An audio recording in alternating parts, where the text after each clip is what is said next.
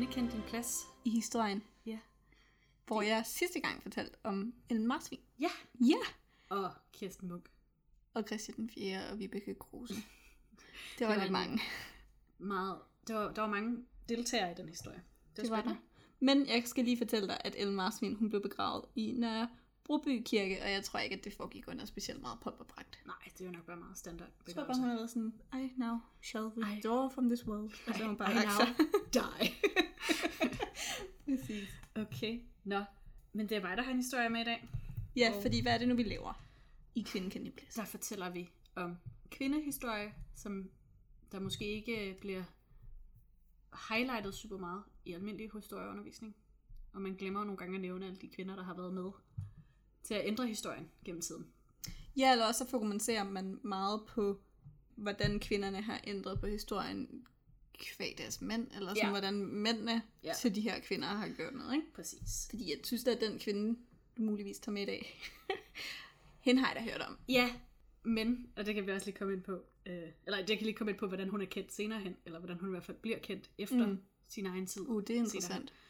Men i hvert fald, så snakker vi om, om kvinders historie og kvinders plads, og, og det er egentlig for at highlighte alt det, der kom før os, og alle dem, øh, som har været med til at, at forme verden, som den er i dag, på godt og ondt. Og det er jo lige præcis det. Det er jo det her med, at kvinder ikke bare har været passive Ja. figurer i historien, som vi ellers nogle gange... For fortalt. Ja, fordi ja. kvinders rolle var en mere passiv rolle før i tiden, men det betyder bestemt ikke, at kvinder har været passive, Ja. øh, og ikke har været med til at redefinere den her rolle hele tiden. Ja. Så det er det, podcasten prøver på, og vi vil bare gerne dele alle de her gode historier med jer. Ja, så vi håber, bare I, øh, kaste os ud I nyder at lytte med. Så jeg skal fortælle øh, i den her uge om Ægyptens sidste farao. For det er Kleopatra. Var hun den sidste? Øh, Kleopatra er den sidste farao i Ægypten. Wow. Kleopatra den syvende er født. Nå, er hun den syvende? Ja, hun er Kleopatra den syvende. Altså, er hun den, ikke den one and only? Nej, der er hendes mor eller bedstemor hed også Kleopatra. Og så tror jeg nok. seks andre før, eller fem Ja, andre før. og jeg tror måske også, at nogle af... Det er ikke dem alle sammen, der har haft en, en dronninge- eller kongeposition, men har bare været i samme familie. Og så også hed Kleopatra, og så kommer til at hedde Alright. derefter. Hun er i hvert fald den syvende Kleopatra, øh, og hun er født i år 70 eller 69 før Kristus. Den er ikke sådan helt vildt sådan detaljeret optegnelser over, hvornår folk er født før det. Øh, så, men det er cirka der omkring. Og øh, da hun er 18 år gammel, der bliver hun medleder, eller sådan medfarag af Ægypten, øh, sammen med sin lillebror, som hedder Ptolemaios. Og jeg har simpelthen ikke kunne regne ud, hvordan man skal sige det der, men vi kalder ham Ptolemaios, fordi det er lidt med det PTO. Hvordan vil du sige, den lyd? PTO. PTO. Jeg vil gå ud fra, at uh, P'et er, stumt, ikke? Ja, så- ligesom, ligesom det er i psyke. Ja, så Ptolemaios, Ptolema, eller Ptolemaios, den 13. Det er hendes lillebror. Også fordi psyke jo er et ord, der kommer fra det område i Ja. nogenlunde den tid. Ja. Altså sådan, så jeg vil faktisk tro, det er Ja. stumt. Det tænker jeg, det er i hvert fald det, vi gør. Nu er Fordi det. Der er jo ikke nogen, der er jo ikke nogen, der taler den type, den type egyptisk, der blev talt på det tidspunkt. Og desuden så taler den kongelige familie i Ægypten slet ikke egyptisk. Så jeg ved ikke, hvad det er for en sprog, de har brugt. Så jeg har ikke kunne finde ud af, hvordan man udtaler det ordentligt. Der er der ikke nogen kongelig familie i Ægypten længere. Nej, men farao-familien. Altså dem, Nå. der havde magten i Ægypten, talte ikke egyptisk. Hvad taler de så? Romersk? Jamen det er det. Jeg har ikke kunne finde ud af, hvad de taler. Jeg ved ikke, hvad de, jeg ved ikke, hvad de taler. Øhm, De taler slet ikke. De men i hvert ikke fald. de til at tale. øh, Ptolemaios den 13. hendes lillebror, og Kleopatra, de bliver medledere, eller medfaraver i Ægypten, efter at deres far, Ptolemaios den 12. dør. Okay, hvorfor ja. bliver de med? Jeg tror, at det er et spørgsmål om alder måske, at Ptolemaios han ikke er så gammel. Eller også så er det fordi, at Kleopatra har været sådan lidt en favorit i sin fars øjne, eller sådan et eller andet. Jeg, er ikke helt, jeg ved faktisk ikke helt hvorfor. Men hun får ligesom med magt. Og hende, altså Kleopatra og hendes søskende, de er en del af det makedoniske dynasti i Ægypten, som løber fra Alexander den Stores tid. Og så ind fra, altså i 332, nej, 323 før Kristus, til at Ægypten blev en del af Romeriet i 30 før Kristus. Okay. Så det er cirka 200 år, små 200 år, hvor at det er den her makedoniske, øh, det makedoniske dynasti, der har magten. Og det er, det stammer fra Ptolemæus den første, som var general til Alexander den Store, og han får magten i Ægypten. Okay. af Alexander den Store. Er grunden til Kleopatra så er den sidste farag faktisk bare fordi, at, at, at Det Rom... indlemmet i Rom. Jo. Ja, ja, okay. Så det er ikke fordi, hun kokser i det? Det, det kommer vi til. Okay, okay. Så hun var, altså så Kleopatra, hun var af makedonsk herkomst, så hun er slet ikke Ægypter. Okay. Eller det mener man i hvert fald ikke. Der har været rigtig stor diskussion om, hvordan, ligger hvor hun? hun kom fra. Hvor ligger Makedonien? Hej, øh, Klippe Emilie her. Jeg ved ikke lige, hvad der sker for mig og Idas samtale nu her. I får i hvert fald lige et indblik i en total brain fart omkring geografi, fordi selvfølgelig ligger Makedonien ikke i Nordafrika, som jeg af en eller anden grund får sagt her. Øh, det ligger selvfølgelig øh, nord for Grækenland, hvor det også ligger i dag. Øhm, så nyd, at vi dummer os helt vildt meget i geografi det her, og udstiller, hvor dårlige vi er til at, at, ko- at komme i tanke om sådan noget på stående fod, mens vi sidder og optager. Øh, men jeg vil bare lige bryde ind her og sige, at det er, det er ikke rigtigt, det vil sige, at Makedonien ligger øh, på det europæiske kontinent. Det ligger i... Afrika? Det ligger også i Nordafrika, men længere mod vest, så vidt jeg husker. Jamen det er fordi, det kan jo ikke komme længere mod øst. Nej. Altså, nej, så ikke på det afrikanske kontinent. Nej. Ja, men det er en af... Men Makedonien har været en del af altså sådan de forskellige øh, kongeriger og sådan noget, der har været rundt om Middelhavet. okay. Ja. Så sådan over mod Libyen? Jamen, det, jeg mener det er på den side. Marokko? Altså, derovre af. Måske over mod Marokko? Ja, det tror jeg. Men der har jo været forskellige sådan, altså, kongedømmer, som havde mere eller mindre hele øh, Middelhavet, hvor Rom, blev det største, og sådan Alexander den Store, han kommer jo til at tage, altså stort set hele den østlige side af, af hvad det hedder, Middelhavet Ja. under, under sig, ikke? Så, men hun er i hvert fald af makedonisk herkomst, og hvis, hun, hvis der overhovedet har været noget egyptisk i hende, så har det været super lidt. Altså, det, det er mere, at man har holdt, holdt en lige ren linje. Hun er kendt for at være super smuk, men det er senere hen blevet diskuteret, hvor smuk hun egentlig var. Altså hun er kendt for at være smuk. Det er ligesom en af de ting, vi ved om hende, Mm. eller vi ser som en ting, vi ved om hende, det er, at hun var smuk. Mm. Men hvorvidt hun var det, det er jo så blevet diskuteret sidenhen. Og sådan, når man har fundet byster og sådan noget af det, så har man været sådan, var hun i virkeligheden smuk? Det ved jeg faktisk ikke rigtigt. Nå, fordi man ikke synes, at bysterne er særlig pæne? Ja, altså sådan, der har bare været en diskussion om, hvorvidt hun faktisk var smuk. Eller om det bare er et billede, vi har fået skabt af hende, på grund af nogle af de ting, der er sket i hendes historie. Okay, det er vildt interessant, men det, Ja. det, det har en masse at sige om senere. Det er muligt, at hun giftede sig med sin 8 år yngre lillebror, efter deres far død, øh, fars død, og det er derfor, de lige bliver co-faraver. Nå, gud og smart. Men, men det er ikke noget, som man, altså sådan, det kan ikke bevises. Der er ikke noget bevis for, at det faktisk er det, der sker. Men det er der nogen, der har en teori om, at det er derfor, eller at det er det, der sker. Og det kan godt være, fordi det måske har været kutyme, at søskende giftede sig med hinanden også. Ja, det er da ikke så. Det har ikke været sådan helt Sjældent. unormalt. Nej. Øhm, men det kan også godt være, fordi han var 10, at hun ligesom, og hun var 18, at, at hun er blevet ko-far og ko-far for ligesom at... Jamen, der er det jo bare lidt interessant, at hun ikke bare bliver regent. Eller sådan... Jamen, det er nok, fordi hun er kvinde. Nå, nej, men jeg mener Nå. sådan, hvorfor hun ikke bare bliver sådan en... Hvad stedfortræder Ja, ja, altså sådan væve. Ja. Ja. Jeg ved ikke. Det Så er, hun- ikke, øh, det er ikke noget, som man har sådan... Jeg tror mere på, at hun er blevet gift med ham. Ja, det kunne godt være. Kort efter, at de to kommer til magten, så begynder Ptolemaios, altså Ptolemaios den 13, hendes lillebrors rådgiver, at arbejde imod Kleopatra. Øh, Så hun bliver nødt til at flygte til Syrien i 49 før Kristus. Hmm. Ja. Det var dengang Syrien var et land, man flygtede til. ja. Og her, der i Syrien, der samler hun en her af lejesoldater øh, under sig, og så rejser hun tilbage til Ægypten året efter, for at kæmpe sin lillebrors tropper ned. Samtidig med, at hun er taget tilbage til Ægypten, eller tilbage mod Ægypten for at kæmpe tropperne ned, så tager øh, øh, Ptolemaios, han tager imod Julius Caesar i Alexandria. Hmm. Julius Caesar kommer på besøg. Og øh, Kleopatra, hun kan godt se, at hvis hun nu har Caesars hjælp, så er det lidt lettere at slå Ptolemaios. Så hun får smuglet sig selv ind på paladset for at tale med ham.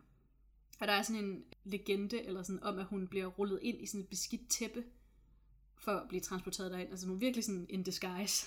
Ja. Så hun bliver sådan rullet ind i et, i et rigtig gammelt laset tæppe, og en, eller masser af gamle laset tæppe. Så da hun skal sådan, da hun bliver præsenteret for Cæsar, så bliver hun båret ind i den der tæpperulle, og så bare sådan rullet ud på gulvet.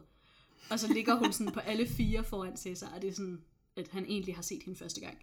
Øh, sådan helt med smus og skidt og lus og lopper og alt sådan noget, fordi de der tæpper var beskidt, ikke? Men om det er rigtigt, eller om hun er gået ind sådan helt poised og... Øh, adeligt og sådan noget, Caesar. og kommet ind. Fordi det er sådan ideen, man har om, at han ligesom er faldet for hende med det samme, at hun er kommet ind helt smuk og sådan noget. Mm. Men det kan faktisk også godt være, at hun bare er kommet ind sådan helt sådan forku- forkullet, fordi hun har været pakket ind i de her Mm. tæpper. Så, og det er også noget med, at sådan, hun må først sidde og smage, fjerne alt det her smus og skidt, hun har i ansigtet, for hun overhovedet kan se på Cæsar, fordi hun er sådan helt fuldstændig mudret til. Ja. Men jeg kan godt lide den historie, den, den vælger jeg at tro på er rigtig. Ej, det er meget hyggeligt. Cæsar, han, øh, han vil gerne have magten i Rom, og det skal han bruge nogle penge til at tage. For det koster penge at gå i krig. Og øh, Ægypten har gæld til Rom, så han vil vildt gerne indhente de her penge, som Ægypten skylder Rom, så mm. han kan overtage magten i Rom. Og øh, Kleopatra, hun er vildt opsat på at genskabe den ære, som Ægypten havde i begyndelsen af det makedoniske dynasti. Så tilbage sådan omkring Alexander den Store. Mm. Fordi økonomisk er det ikke gået super godt, så det faldet lidt. Det, sådan, det gik rigtig godt i starten, så går det rigtig skidt, og hun vil gerne have, at det sådan, kommer til at gå godt igen. Ja. Og hun vil gerne genvinde nogle af deres gamle territorier, for eksempel i, Sy- i Syrien og Palæstina, som de har mistet. Så Caesar og Kleopatra, de er sådan, ved du hvad, hvis jeg nu sørger for, at du får dine penge tilbage fra Ægypten, så sørger du for, at jeg får magten i Ægypten og kan få de her territorier tilbage. Så det er den aftale, de ligesom indgår. Og, Cæsars og Caesars tropper begynder så at kæmpe mod Ptolemæus tropper. Men romerne er i undertal, så det er først efter, altså de kæmper i fire måneder, før at Caesars forstærkninger når frem til Ægypten, og de så kan slå Ptolemæus. Man mener, at Ptolemæus så er druknet i Nilen, mens han flygter fra Alexandria. Nå. Men det, det er ikke noget, man har altså sådan officielle kilder på, men det går man bare ud fra, at han er. Fordi han forsvinder i hvert fald efter det her, man ser ham aldrig igen.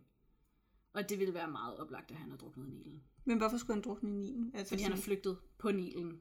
Altså, altså, på en hvis, båd, ikke? jo, jo, men hvis båden så sunket, eller er blevet sunket.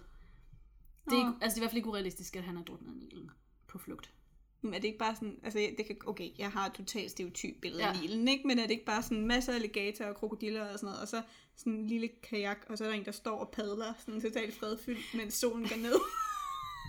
Jeg, jeg, tror, der er nogen, der har, jeg tror, der er nogen, der har sejlet rundt i små kajakker, men der er også, de, de har også haft sådan nogle kæmpe store både. ja, ja, hvor der er sådan Ja. slaver, der har været sådan, Ja. hu, Ja. hu, ja, og det der hu, det var ro.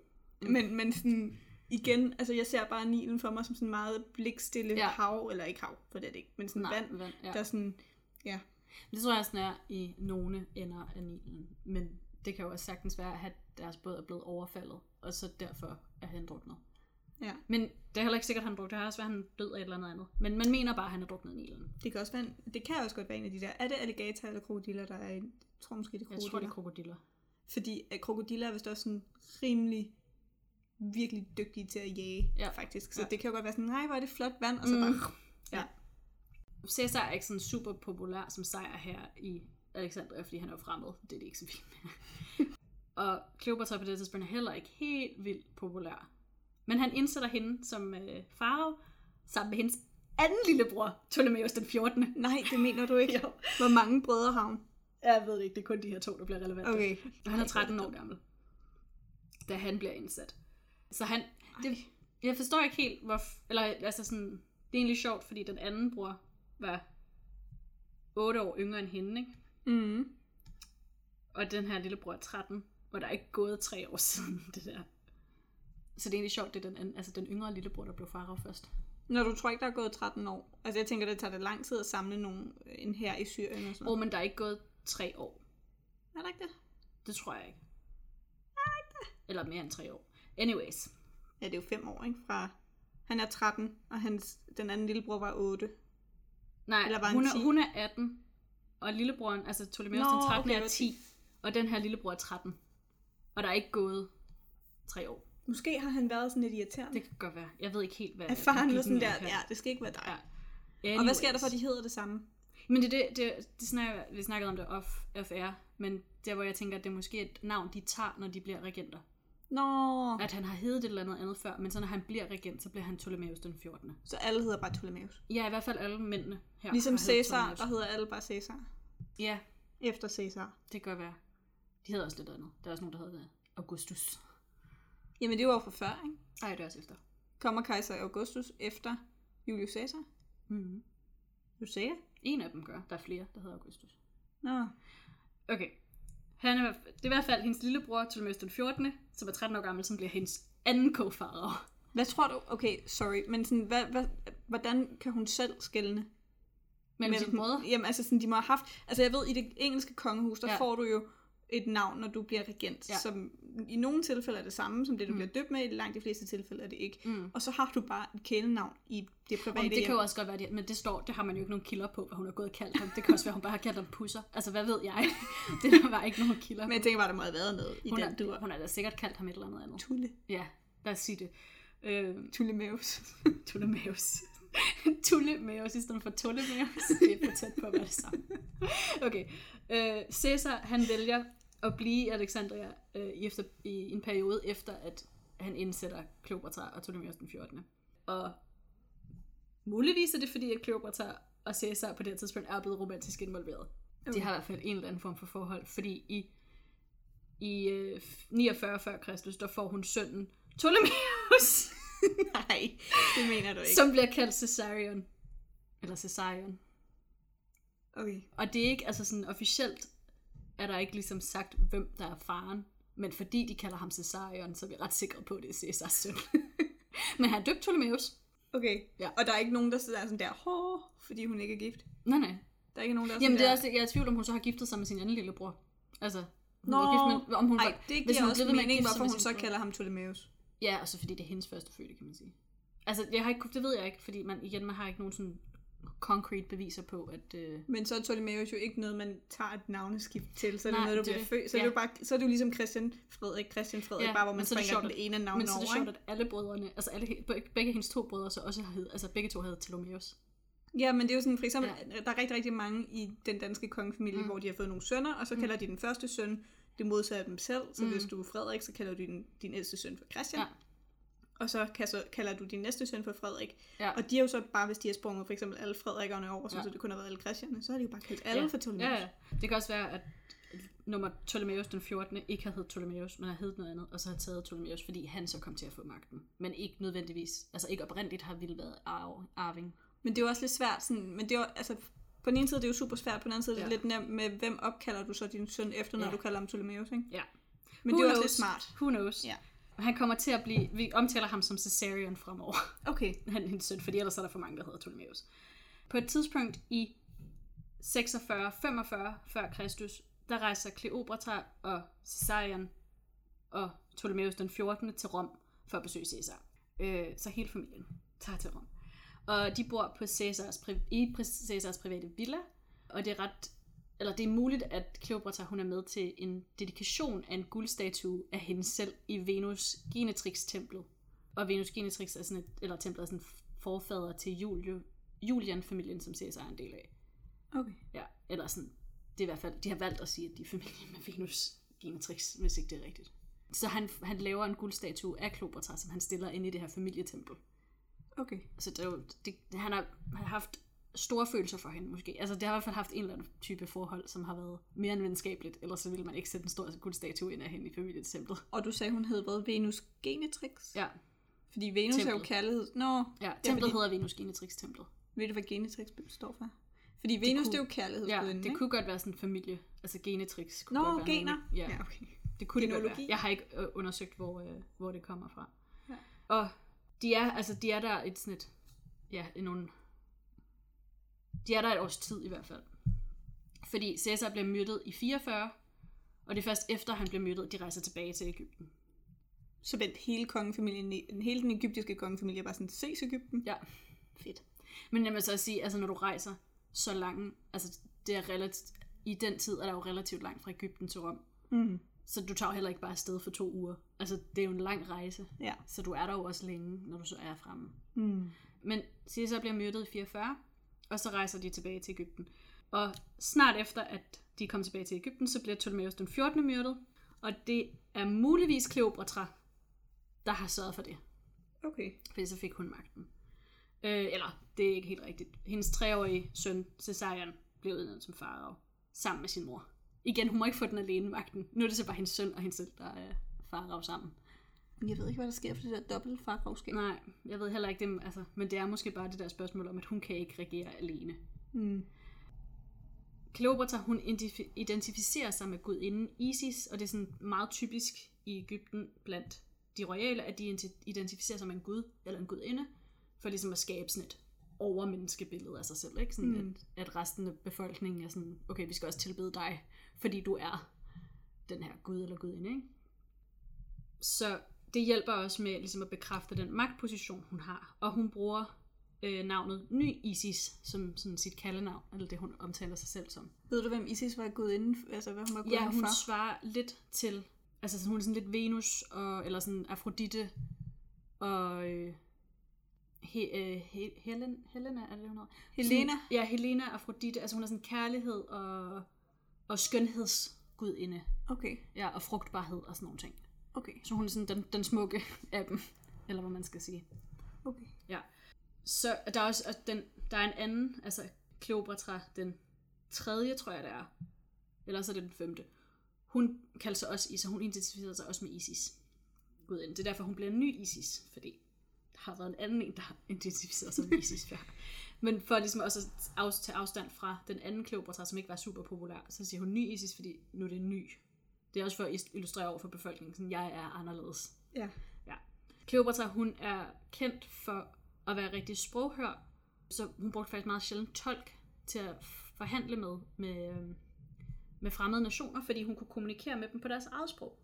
Og det er rimelig vildt. Ja, det er ret cool. Øhm, hun er også den eneste i hele den her makedoniske dynastifamilie, som lærer at tale egyptisk. Nå, Så hun, altså sådan, hun er den eneste i den familie, der kan tale det sprog, som resten af Ægypterne taler. ej, det er meget Hvilket jeg fint. synes er ret interessant. Så hun, hun styrer Ægypten med sådan en ret bestemt hånd i den periode, hun reagerer. Hun indfører, øh, men hun gør det også godt. Hun indfører blandt andet sådan noget, der svarer lidt til deflation, for at forbedre økonomien i Ægypten. Så i stedet for, at en kro eller en mønt var det værd, den vejede i guld, mm. så var den det værd, der stod på den. Og så kunne hun bestemme, hvad der stod på den.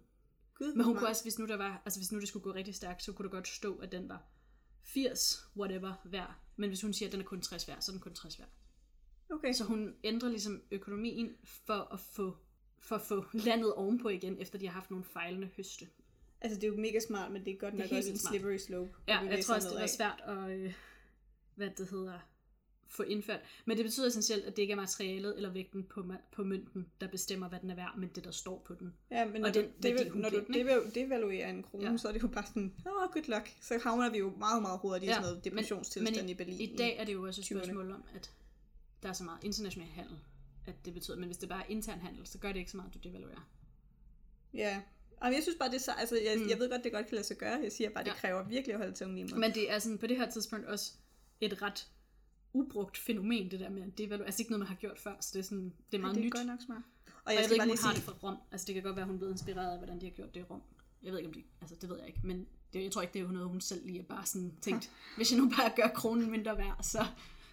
jeg synes, det er mega, ja. Ja. uanset hvad, synes jeg, det er mega cool. Og jeg vil bare lige sige, jeg ved godt, at det, der skete i Berlin i 20'erne, Ja. det var inflammation og ikke øh, deflamation, men, men Ja. det princippet blev hurtigt det samme. Ja. Samtidig med, at hun tager sig af Ægypten her, så, så er der lidt magtproblemer i Rom, efter at Caesar dør. Der, de ved ikke lige, hvem er det, der skal bestemme nu. På den ene side så står Marcus Antonius og Octavian, som er Caesars nevø og arving, og Libidus, som er sådan på Caesar. Altså de var sådan, de holder med Caesar. Og så på den anden side, så står Brutus og Cassius, som slog, dem, slog ham ihjel. Mm. Ligesom sådan de to øh, afdelinger, der, der kæmper om magten. Og de begge sider kommer til Ægypten for at spørge om hjælp. Så de er sådan, Kleopatra, I need your help. Og efter at hun trækker det ud i langdrag, så lang tid hun har fået kendt Kleopatra, så øh, sender hun fire romerske legioner, som var udstationeret i Rom, eller udstationeret i Ægypten, da øh, hvad hedder, Caesar han falder, til Rom for at støtte Marcus Antonius og hans venner. Jeg tænker også, altså, hvad har, hvad har Brutus helt præcis regnet med vil ske? Altså sådan, hvis hun Ja, åbenlyst formentlig er, var kærester med, Ja, med hende. Det er et godt ja. ja. spørgsmål. Men altså, det kan jo også være, at han bare har været sådan, vil, vil du ikke låne os nogle penge? Og så tænkte det kan være, at hun er interesseret nok økonomisk i, at, at det kan lade sig det er gøre. godt nok, Who det er knows?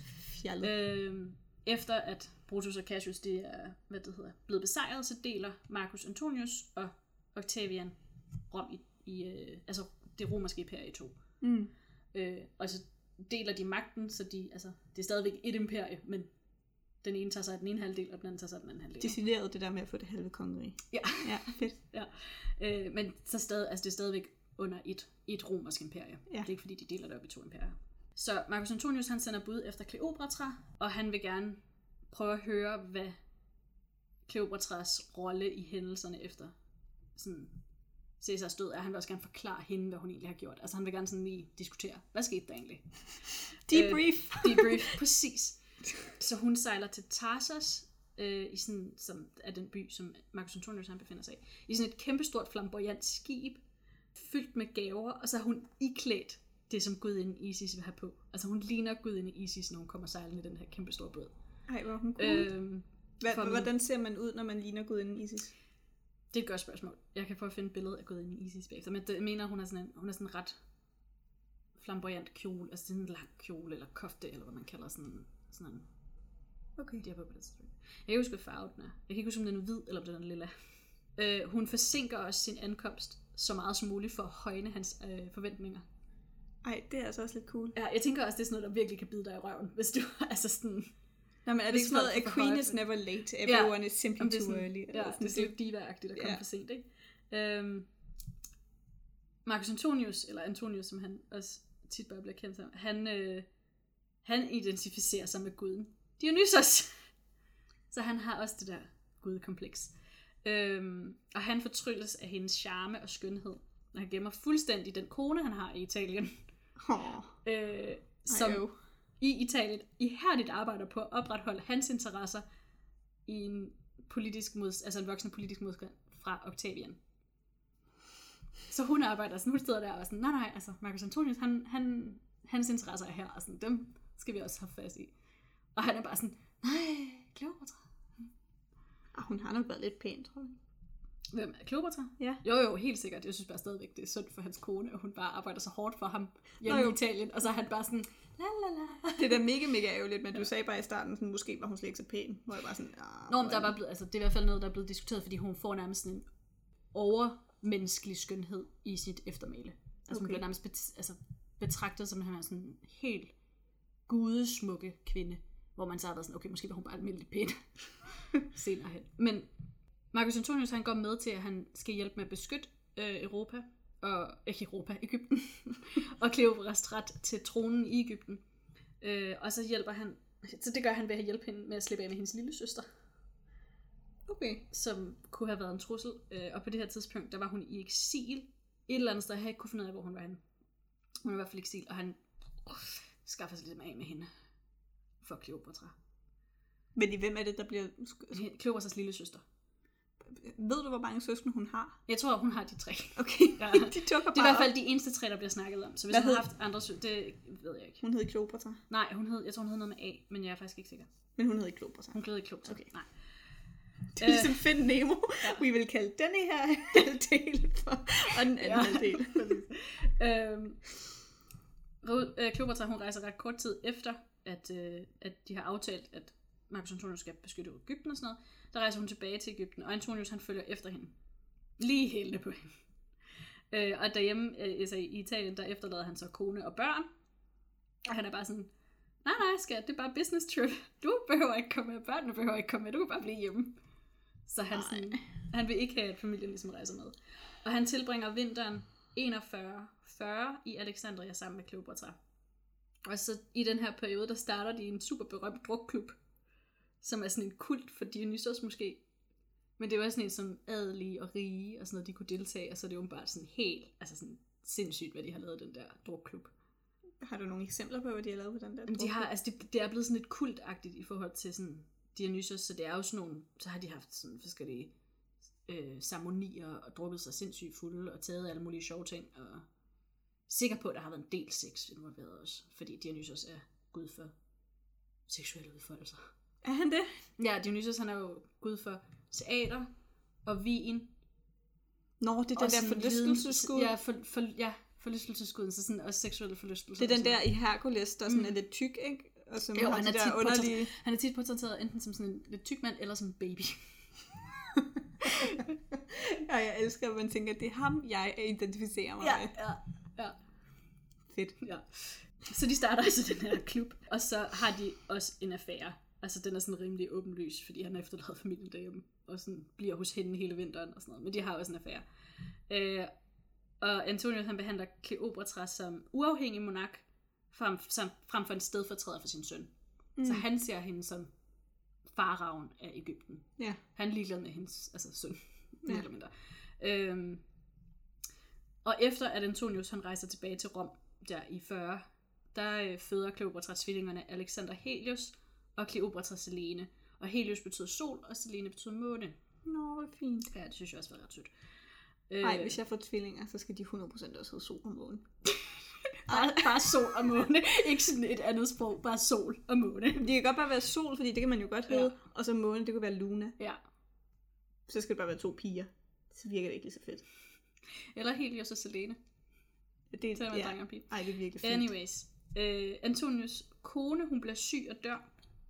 Øh, og for at bevise sin loyalitet til Octavius, så indgår Antonius et diplomatisk ægteskab med Octav- Octavius' halvsøster, som jeg, altså I kid you not, hedder Octavia.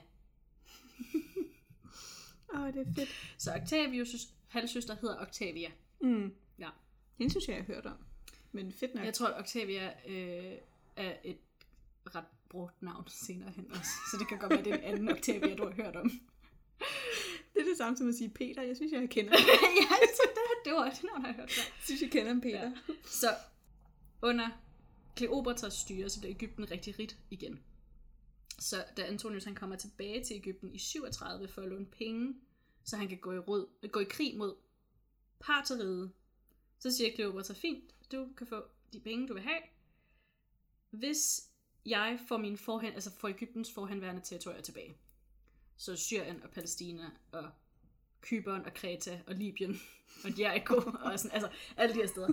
Øh, og det hun, det, hun får tilbage, er Altså, hun, det er et Kypern, Kreta, Libyen, Jericho og store dele af Syrien og Libanon. Det er sådan de Hun lande, fik det faktisk. Det er det, hun gerne vil have tilbage. Nå, okay. Og jeg mener også, at hun får, hun får altså alt det her tilbage til Ægypten. Ej, det er fed forhandling. Eller det, det får hun i hvert fald, hvis han vinder krigen Nå. i parteriet, ikke? Nå. Og de, genoptager, detalje. og de genoptager også øh, deres affære. Og så får de endnu en søn, og gæt hvad han hedder. Tulle?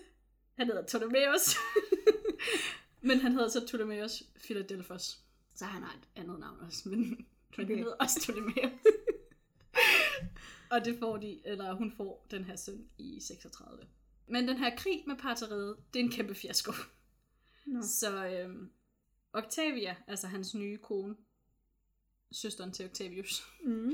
hun prøver at støtte sin mand øhm, ved at foreslå, at hun ligesom tager over til ham, for at støtte, altså være sådan, støtte op om ham og stå ved hans side og sådan noget. Men der er han bare sådan, ved du hvad, det behøver du faktisk overhovedet ikke at tage til Ægypten, for at være sammen med Kleopatra. Ej. Og så, så han taber den her krig, og så for ligesom at trøste sig selv, så tager han over til Kleopatra og hygger sig. Ja. Øhm, Ej. og i de har, de har sådan en offentlig fejring i 36, som hedder Donationerne fra Alexandria. Og jeg ved ikke, jeg, jeg ved ikke helt, hvad, hvorfor den hedder det. Men det er i hvert fald sådan et, at folket de flo- flokkes til et kolosseum for at se Kleopatra og Antonius siddende på deres guldtroner, og så alle deres børn siddende foran sig på sådan en sølvpodie. Ej, Og så forestiller mig, at der er noget underholdning. Og hun er bare helt åben om, hvem der er far til de her børn, eller hvad? Ja, det tror jeg. Hvem skulle gøre noget? Altså, hun har ultimativt al magten i Ægypten. Jamen, hun er jo ikke gift med nogen. Er hun det? Nej, øh, muligvis med den bror, som er blevet slået ihjel. Who knows? Hun er ikke officielt gift med Antonius, og hun er heller ikke officielt gift med Caesar. Nå nej, det ved jeg Ja. godt, men, men er hun gift med nogen? Fordi der er jo rigtig, rigtig mange kvinder, mm. tænker jeg, der har fået børn, og så har været sådan, nå, det her, det er, Nej, det er nej min ikke, mands børn. ikke hvad jeg ved af. Så har hun ikke... øh, Altså, det er ikke noget, der er sådan offentligt kendt i hvert fald, hvis hun er det. Apropos Kirsten Munk. Det var sådan, at det her, det er da din Christian. Ja, der er godt nok gået øh, mere end Øh, måneder, men det er Men din. mens de sidder her på de her, altså til den her fest, til den her fejring, der siger, så erklærer Antonius, at Caesarion, han er Caesars retmæssige arving. Og det betyder jo, fordi Caesar havde ikke nogen børn, udover, altså han, han har ikke selv haft nogen arvinger, så han har jo adopteret hvad sine... med Brutus? Nå, det mener jeg bare hans ven. Nej, det ved jeg ikke. Men han Er det har ikke sådan noget, også du min søn Brutus? Jo, det kan godt være, men det hjælper jo ligesom ikke, hvis han bliver slået ihjel af Brutus. Så det er sådan, nu er det i hvert fald ikke. I hvert fald, så, øhm, så er det hans adoptivsøn, eller sådan nevø, Octavian. Altså den Octavian, som vi har snakket om tidligere. Mm. Det er hans arving. Nå, Altså det er ham, han er udnævnt som arving. Ja. Så når nu Antonius går ind og siger, Caesarion er Caesars søn og retmæssig arving, så udfordrer han Octavius' position. Ved han godt det? Det tror jeg. Altså, da han gør det? Det tror jeg. Altså, det, det tror jeg, Antonius gør fuldt overlæg. Nå, okay. Ja. Fordi, altså, stemningen mellem de to er ikke så god, fordi Octavius han mener, at han skal have magten over det hele. Han er lidt træt af, at han har delt den med Antonius. Men jeg kan godt forstå det lidt, fordi det mm. lyder ikke som om, at Antonius bare er en mega nice kejser. Nej, altså det ved jeg, det har ikke, jeg ved ikke noget om, hvordan han kører sin del af kongeriget. Eller Altså, han sin, tager det pænt meget til Ægypten. Ja, men derfor kan det jo godt være, at hvis alting derhjemme fungerer fint, og han ikke blander sig og sådan noget, så, det, så kan det også være meget godt jo. Men Ja. i hvert fald, Men jeg tænker også lige, jeg må bare, bare lige Ja. sådan, jeg tænker også, at hvis hans kone nu er Octavius' halvsøster, mm, så har han jo ikke længere en kone derhjemme, der kan sidde og forhandle hans interesser på Nej. samme måde, nej, som han havde, dengang han havde en lidt mere upartisk Ja. kone. Ikke? ja, eller sit eget partisk kone. Ja, sit eget partisk kone. Ja. Ja. men sådan, han, nu har han jo Ja. ikke længere, når han forlader landet, så, så Nej. jeg kunne godt forestille mig, at Octavius sådan er sådan, Ja. Octavia, skal Ja, ikke lige... men det er jo også, han har jo giftet sig med hende for at sige, jamen jeg støtter stadigvæk op om dig, Octavius. Altså, altså ja, det er ja. for ligesom at, at Og så skrider han fra hende hele Ja. tiden. Ja, ja. Øh, Kleopatra, hun bliver hyldet som øh, dronningen af konger, og Caesarion, han bliver hyldet som kongen af konger. Okay. Altså til den her fest. Ja. Så hun, øh, så de to, altså det er jo så, det er jo egentlig Caesarion, der er farao i Ægypten, men det er Kleopatra, der er farao i Ægypten. Ja. Øh, men de bliver begge to hyldet her. Og Antonius han begynder at fordele de her nyerhvervede lande, som de, han har fået ud af den der parterige-krig. Også selvom han ikke har slået parteriet, så har han, har han stadigvæk fået nogle af de her øh, territorier tilbage. Dem fordeler han så mellem børnene. I hvert fald de børn, han har sammen. Altså, dem fordeler han mellem hans og Kleopatras børn, fordi Caesarion har jo ligesom Ægypten i forvejen. Ja. ja. Så Alexander Helios, han får Armenien, spædbarnet Ptolemæus, han får territorierne vest for Armenien, og Kleopatra Selene, hun bliver dronning af Kyberen. Okay. Ja. Så og han... Kyberen er ikke særlig stor. Nej, men hun var også bare en pige jo. Hun blev dronning i egen ret. Altså, hun blev ikke dronning, fordi hun er gift med en anden. Men er det ikke en lille ø i... Ej, den, altså, den er pænt stor. Er vi ikke enige om, at Kyberen er en del af det nuværende Grækenland? Øh, jeg er faktisk usikker på, om Kyberen er sit eget land i dag. Eller om det er en del af... Det kan godt være, jeg forbinder det med sådan Ja, noget men det ligger der. noget. Altså, det ligger der omkring. Okay. Ja. Det kan vi lige prøve at slå op. Jeg tror måske, Kyberen er sit eget land. Jeg troede, Kyberen var ligesom Kreta. Ja. En del af... Ja, det Grækenland. har jeg også altid troet. Det er derfor, jeg er i tvivl, for jeg har nemlig fundet ud af, at en af dem ikke var det. Nå, okay, Kreta er helt sikkert Ja, så jeg græsk. tror måske, Kyberen er sit eget land. Men det kan Okay. vi lige undersøge. Nå, så det så måske vent- ikke så småt, som jeg troede. Så kan vi vende tilbage. Det er stadigvæk en lille ø, men altså. Og det her, altså den her fest, hvor han erklærer alle de her ting, det er faktisk, det er begyndelsen på krigen mellem Antonius og Octavius. Okay, der kommer en krig. Ja, eller der kommer i hvert fald en kamp om, hvem der ultimativt har retten til at regere. Ja, det var Øh, bound to happen. Octavius han mener, at Antonius øh, er fuldstændig under Kleopatras kontrol, og derfor ikke er royal mod, loyal mod Rom længere. Mm. Og det er jo også et problem. Det går jo ikke, hvis Rom reelt set bliver styret af Ægypten. Det kan vi ikke have. Så det er det, sådan, det, er det han, øh, det, er det, han går, med, går til senatet med, og det er det, han overbeviser dem om, og det romerske folk. Og det gør han blandt andet ved at vise Antonius' testamente, som bekendtgør, at han ønsker at blive begravet med Kleopatra. Øh, Ej, han har godt nok også været en dårlig politiker. Ja. Og i slutningen af 32, så fjerner det romerske senat alle Antonius' titler, og Octavius han erklærer krig mod Kleopatra. Nå, Ja. Så kærlighedshistorien her mellem Kleopatra og Antonius, den har næsten ham sådan Romeo, Romeo og Julia-agtig slutning. Øhm, Men vent, vent, vent, nu siger du kærlighed. Altså, tror du, at Kleopatra havde følelser for... det tror jeg. Det tror jeg, altså Antonius og Kleopatras forhold, tror jeg, har været et kærlighedsforhold. Jeg tror, at Kleopatras og Caesars forhold har været et Politisk, politisk forhold. Hendes Altså, jeg tror stadigvæk, at de har kunne lide hinanden, men jeg tror, at hendes helt store kærlighed er Antonius.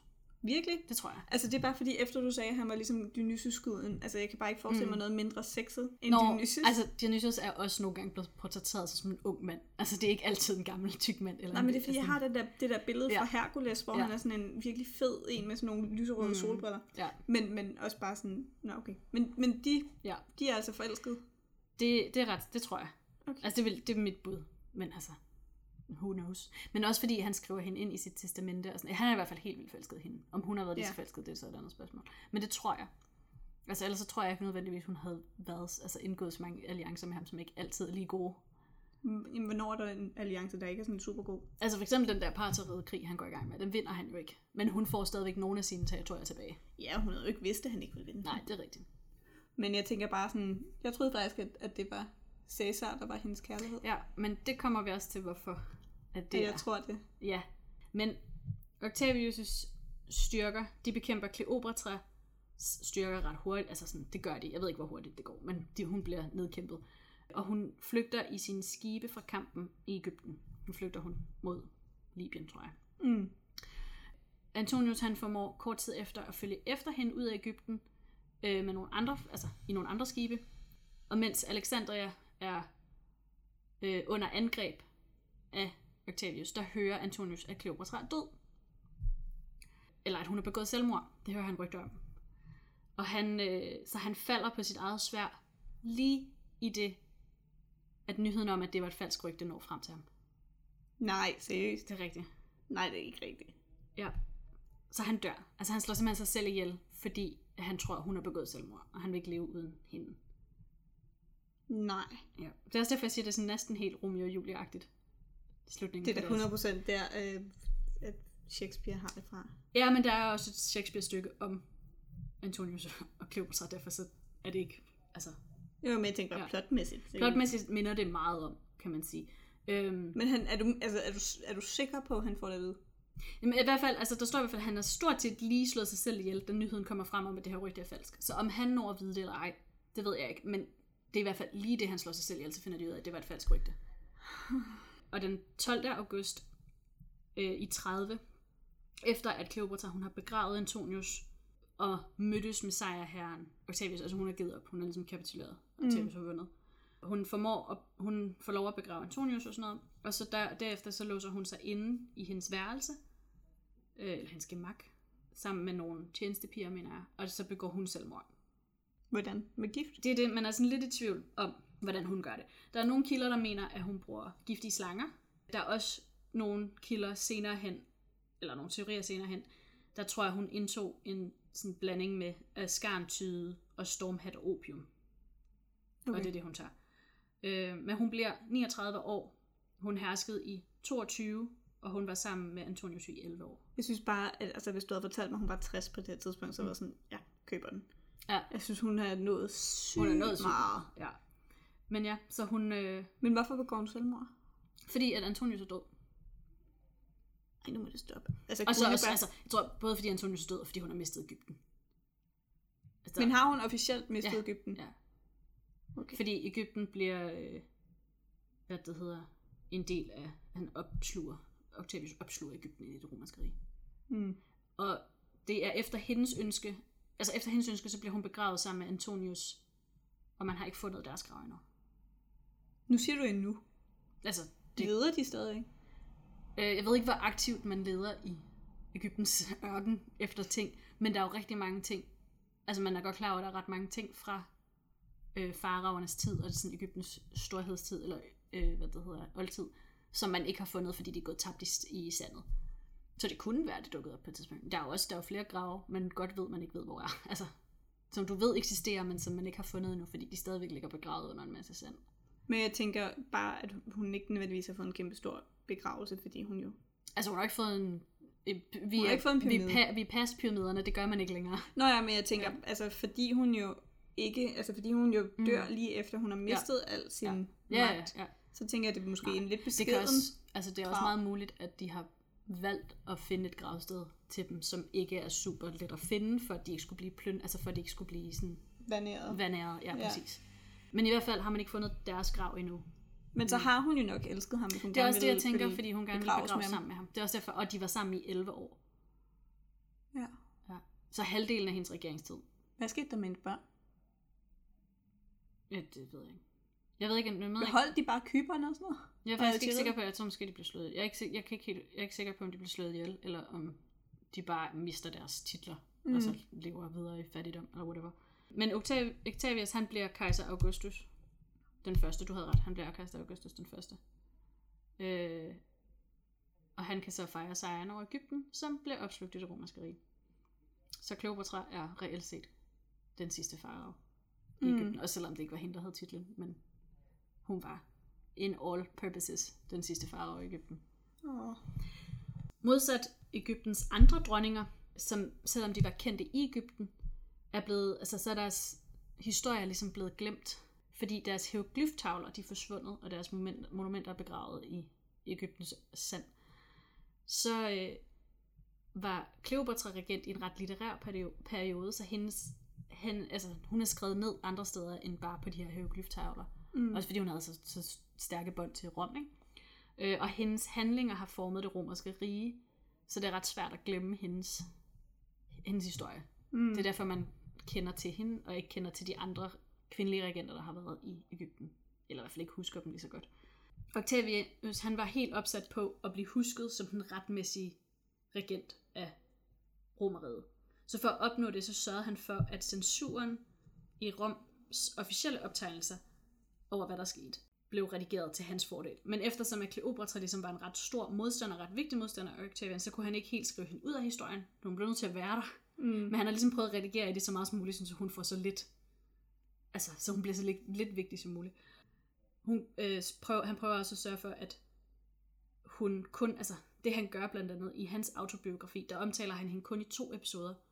Og den ene episode det er hendes forhold til Julius Caesar, og den anden episode er hendes forhold til Marcus, øh, til Marcus Antonius. Så på den måde, så bliver hun, altså han tager al hendes politiske validitet fra hende, mm. ved kun at, at snakke om hende i forhold til de mænd, hun havde et forhold til. Mm. Så hun bliver ligesom husket som den her, altså som en umoralsk udenlandsk kvinde, som fristede gode romerske mænd. Mm. Den historie er den, der ligesom er blevet overleveret i vestlig kultur i rigtig lang tid. Og den er ikke blevet fortalt og genfortalt indtil, at det er blevet historien om den her farlige femme fatale, der udnyttede magtfulde mænd, hun mødte.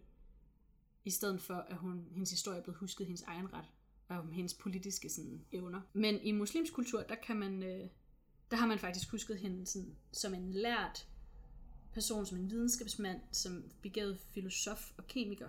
Mm. Så der har man sådan vedligeholdt noget af hendes egen sådan, viden og magt, altså sådan, eller hendes egen validitet. Og selvom hun måske ikke ligefrem i dag bliver set som den, det her onde, som Octavia han prøvede ligesom at male hende til at blive, øh, så er hendes ny, ny, nutidige portrætteringer stadigvæk meget fokuseret på hendes kærlighedsliv og hvem hun datede frem for hvad hun gjorde. Mm. Så det er nok også derfor, at man har set hendes...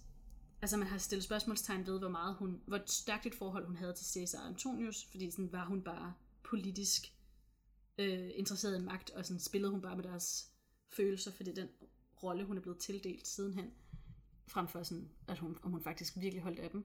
Men også, at hun er blevet mere kendt på, hvem hun datede, end på, hvad hun gjorde. Det er, jo, det er jo næsten alle kvinder, Jo, der jo. er blevet det. Men, sådan, men, men ved du, hvorfor jeg forbinder hende mere med Julius Caesar? Ja, det er fordi, at øh, nogle af de film og bøger og sådan noget, der er skrevet om hende sidenhen, og teaterstykker, der er lavet med hende, øh, har større fokus på hendes forhold, altså har fokus på hendes forhold til Julius Caesar, Okay. og lægger rigtig stor vægt på det. Øh, men der er også bøger om hende og Marcus Antonius forhold, som virkelig maler den i et positivt og romantisk lys. Ja. Men det er forholdet til Julius Caesar, som, som man sådan har hævet frem oftere til at starte med i hvert fald. Men det, er også, at det kan også godt være, at hendes forhold til Julius Caesar, altså at Caesar også har været en kæmpe kærlighed for hende, men fordi han blev slået ihjel, så ved man jo ikke, hvor lang tid deres forhold ville have holdt. Altså nu kan jeg ikke huske, hvornår jeg sagde det. Jeg kan Mm. mm. huske, at jeg har sagt det inden for de sidste tre episoder. Mm. Men jeg har på et tidspunkt sagt det her med, at kvinder i historien ofte bliver husket som sådan meget mere passive Ja, øh, figurer. Det er jo det, vi egentlig gerne vil gøre lidt op med i vores podcast. Altså sige, men de redefinerer egentlig deres egen status, deres egen rolle. De er slet ikke passive. mm. Men de bliver ofte husket, som du selv siger, i kraft af deres mænd, og i kraft Ja. af, altså, af sådan en passivitet, der mm. sådan bare følger med mandens ja. historie. Ja. Og jeg synes, det er interessant, at her er der et, et meget bevidst, altså det har været et formål, ja, altså sådan næsten propagandaformål, Ja. Hvorimod jeg tror, for rigtig meget andet historie, der er det bare sket, Ja. altså fordi man bare ikke har tilskrevet kvinder nogen speciel også- vigtighed. det er det, jeg synes, der er så interessant ved, ved hendes historie blandt andet. Altså det er det der med, at Octavius der virkelig ihærdigt prøver at skrive hende ud af historien. Mm. Men fordi hun var, altså fordi hun kæmpede mod ham i den her krig, så kan han ikke helt fjerne hende. mm. Men han prøver at ligesom gøre hende mindre værd, eller sådan fjerne hendes kraft i sig selv af, at han kun refererer til hende i forhold til hendes romantiske relationer til romerske mænd, ikke? Altså, så han virkelig prøver at hive hende ned på et niveau, hvor hun bare var sådan en temptress, og bare var sådan en forførske.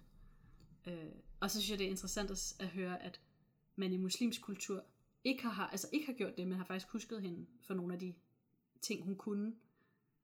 Hun har også været altså, lokalt tættere Ja. på den muslimske ku- kultur, tænker jeg. Ja, altså det ved jeg ikke, fordi hele den side af, af Middelhavet var jo under romersk styre.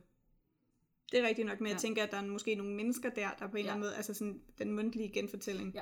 Og måske det har levet også lidt være- stærkere. Men det kan også være, at de har været mindre bundet af nogle af de vestlige kulturer, vi har fået fra romeriet, og den måde, man fortalte historier om sejrsherrer og sådan noget. Det kan være, at de har været mindre bundet af den, og så har haft, eller så har de haft nogle skrifter og, og sådan rune, eller hieroglyfsten, som, Der kan være som vi mange. ikke har haft adgang til her. Ja, kan der er være. fald, jeg synes bare, det var interessant, at der var andre, altså en anden kultur, hvor man faktisk huskede nogle af de andre, altså hendes andre evner, og ikke bare, at hun var kærester med. Altså jeg tænker, at, at det som jeg kendte hende for, mm. inden du egentlig fortalte om hende, det er Ja. det her med, at hun har været, altså bare, jeg tror fem fortalte måske det helt rigtige mm. ord at bruge, eller altså sådan en meget stærk sex Ja. øh, symbol, Mm. øhm, og hvor meget sådan havde kraft, altså havde politisk magt i kraft af sin seksuelle udstråling. Fordi jeg tror egentlig altid, at folk ved, at hun har meget Ja. politisk magt. Men det er men at nemlig, det bliver hun- i kraft af Ja, hendes... og det bliver nemlig super meget i kraft af Ja. hendes seksuelle tiltrækning, og af hendes forhold til de her mænd. Ja. At hun får og magt. hendes måde at manipulere med dem ja, på, og så præcis. videre. Frem for, at hun faktisk i sig selv også har haft evner inden for at håndtere et land. Altså det er hendes egen altså magt, at hun formår at få Ægyptens økonomi op at køre igen. Mm. Det er jo ikke, fordi hun låner penge rum. Det er, fordi hun sørger for, at Der er noget med kvinder og økonomi, altså. økonomi kommer op og kører igen. Men det er, også, det er jo også en af grundene til, altså den måde, hun, bliver, hun er blevet portrætteret i vestlig kultur, både i historier, men også i film og sådan noget, er jo også som den her virkelig, virkelig smukke dame. Det er også derfor, hun har fået prædikatet af, at hun var helt vildt smuk. Mm. Og så har man så senere hen været sådan, var hun i virkeligheden så smuk, eller var hun bare sådan karismatisk? Mm. Ja, så det er også en af grundene til, at man måske faktisk ikke er helt sikker på, at hun var så altså, udmodståelig smuk, som man har fået billedet malet af hende. Men når det så er sagt, altså sådan, jeg tror, og med vægt på Mm. tror, jeg tror, at enhver kvinde øh, i de her tider, og, og indtil for ganske nylig, øh, med magt, har helt klart udnyttet, Mm. at de kvinder i en tid med mænd, altså jeg Ja. tror helt klart, at de har udnyttet, at de har en seksuel kapital, Ja. som de kan sætte i, altså i spil politisk. Ja, Det kunne Anne Boleyn for eksempel jo også. Altså det der med, at og hun er jo også blevet kendt som sådan sindssygt Mm. farlig finde fortælle, der Ja. ødelægger ja. alt og sådan noget, uden at hun nødvendigvis var det. Men, men det er bare interessant det der med, men jeg tror, det er, jo, det er jo fint nok, at hun har følelser for dem og sådan noget, men jeg tror da helt klart, at hun har været sindssygt dygtig til også at altså, iscenesætte mm. Mm. sig selv. Det er også noget det, du, Ja. du Ja, ja, fortæller, ja, når hun ja. er Isis og forbinder Ja. sig med Isis og alt det der. Altså sådan, hun iscenesætter jo sig selv som et seksuelt væsen. Ja. Men det har også, jeg har tænkt over øh, det der, eller det du sagde, det kom til at tænke på, der er ikke nogen historie om, at hun har sådan forført andre folk, hun har haft, altså som hun, hun har også lavet for andre, forretninger med andre nationer, end Mm. bare romeriet. Og det, der var i hvert fald, altså det de lagde vægt på, var, at hun imponerede i, at hun kunne tale deres sprog, så hun ikke behøvede nogen at tolke for sig. Mm. Så hun vidste, hvad der hele tiden foregik. Altså, der var ikke nogens øh, sådan fortolkning af, hvad der blev sagt, som hun også skulle navigere. Det var, hvad hun forstod dem ligesom. Og at det var at den, altså, det var en del af, hvorfor de også var imponeret over hende sådan rent businessmæssigt. Altså, jeg, jeg Så har... det er ikke nødvendigt, altså, at i alle de andre forretninger, hun har lavet som regent i Ægypten, ikke nødvendigvis havde noget med hendes seksualitet at gøre. Men det er mest af det her Cæsar-forhold og, og Antonius forholdet.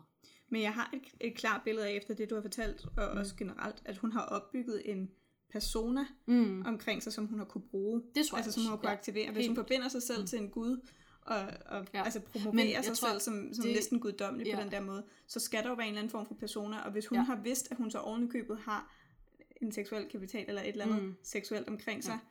der kan fremme det. Ja. Ja, jamen det tror jeg også, du har ret. Men jeg tror så, at hele den der ISIS-persona er mere for at få accept blandt, egne, altså blandt hendes eget folk, blandt Ægypterne, end for ligesom at få accept udefra, fordi det er jo de egyptiske guder, hun identificerer sig med, ikke? Ja, ja, men, Ja. men jeg tror, at det, som hun kan, som, som også er sindssygt stærkt politisk mm. at gøre, Ja. det er det der med at iscenesætte sig selv på en måde, og så er der så nogle steder, hvor hun så har skulle give den lidt ekstra, og Ja, det er jo klart, hun ja. har skulle det i forhold til Storebror Rom, altså Ja. som jo er den ultimative supermagt Ja. i det her område Ja. på det her tidspunkt. Øh, og så er det jo klart, at hun har skulle give den lige lidt ekstra, måske noget mere personligt, især i forhold til Cæsar, som mm. Du sagde det der med sådan, Ja. ja. jeg må lige aktivere mig selv lidt ja, mere. ja, ja. Men jeg tror helt klart, at hun har kunne gå ind og imponere, altså være det her næsten mm. Mystiske, øh, Eksotiske væsen. ja, Ja. som så kommer ind, og så ovenikøbet kan tale dit sprog. Ja. Altså sådan det, jeg tror faktisk, det har været enormt stærkt. Det tror jeg også. Ja.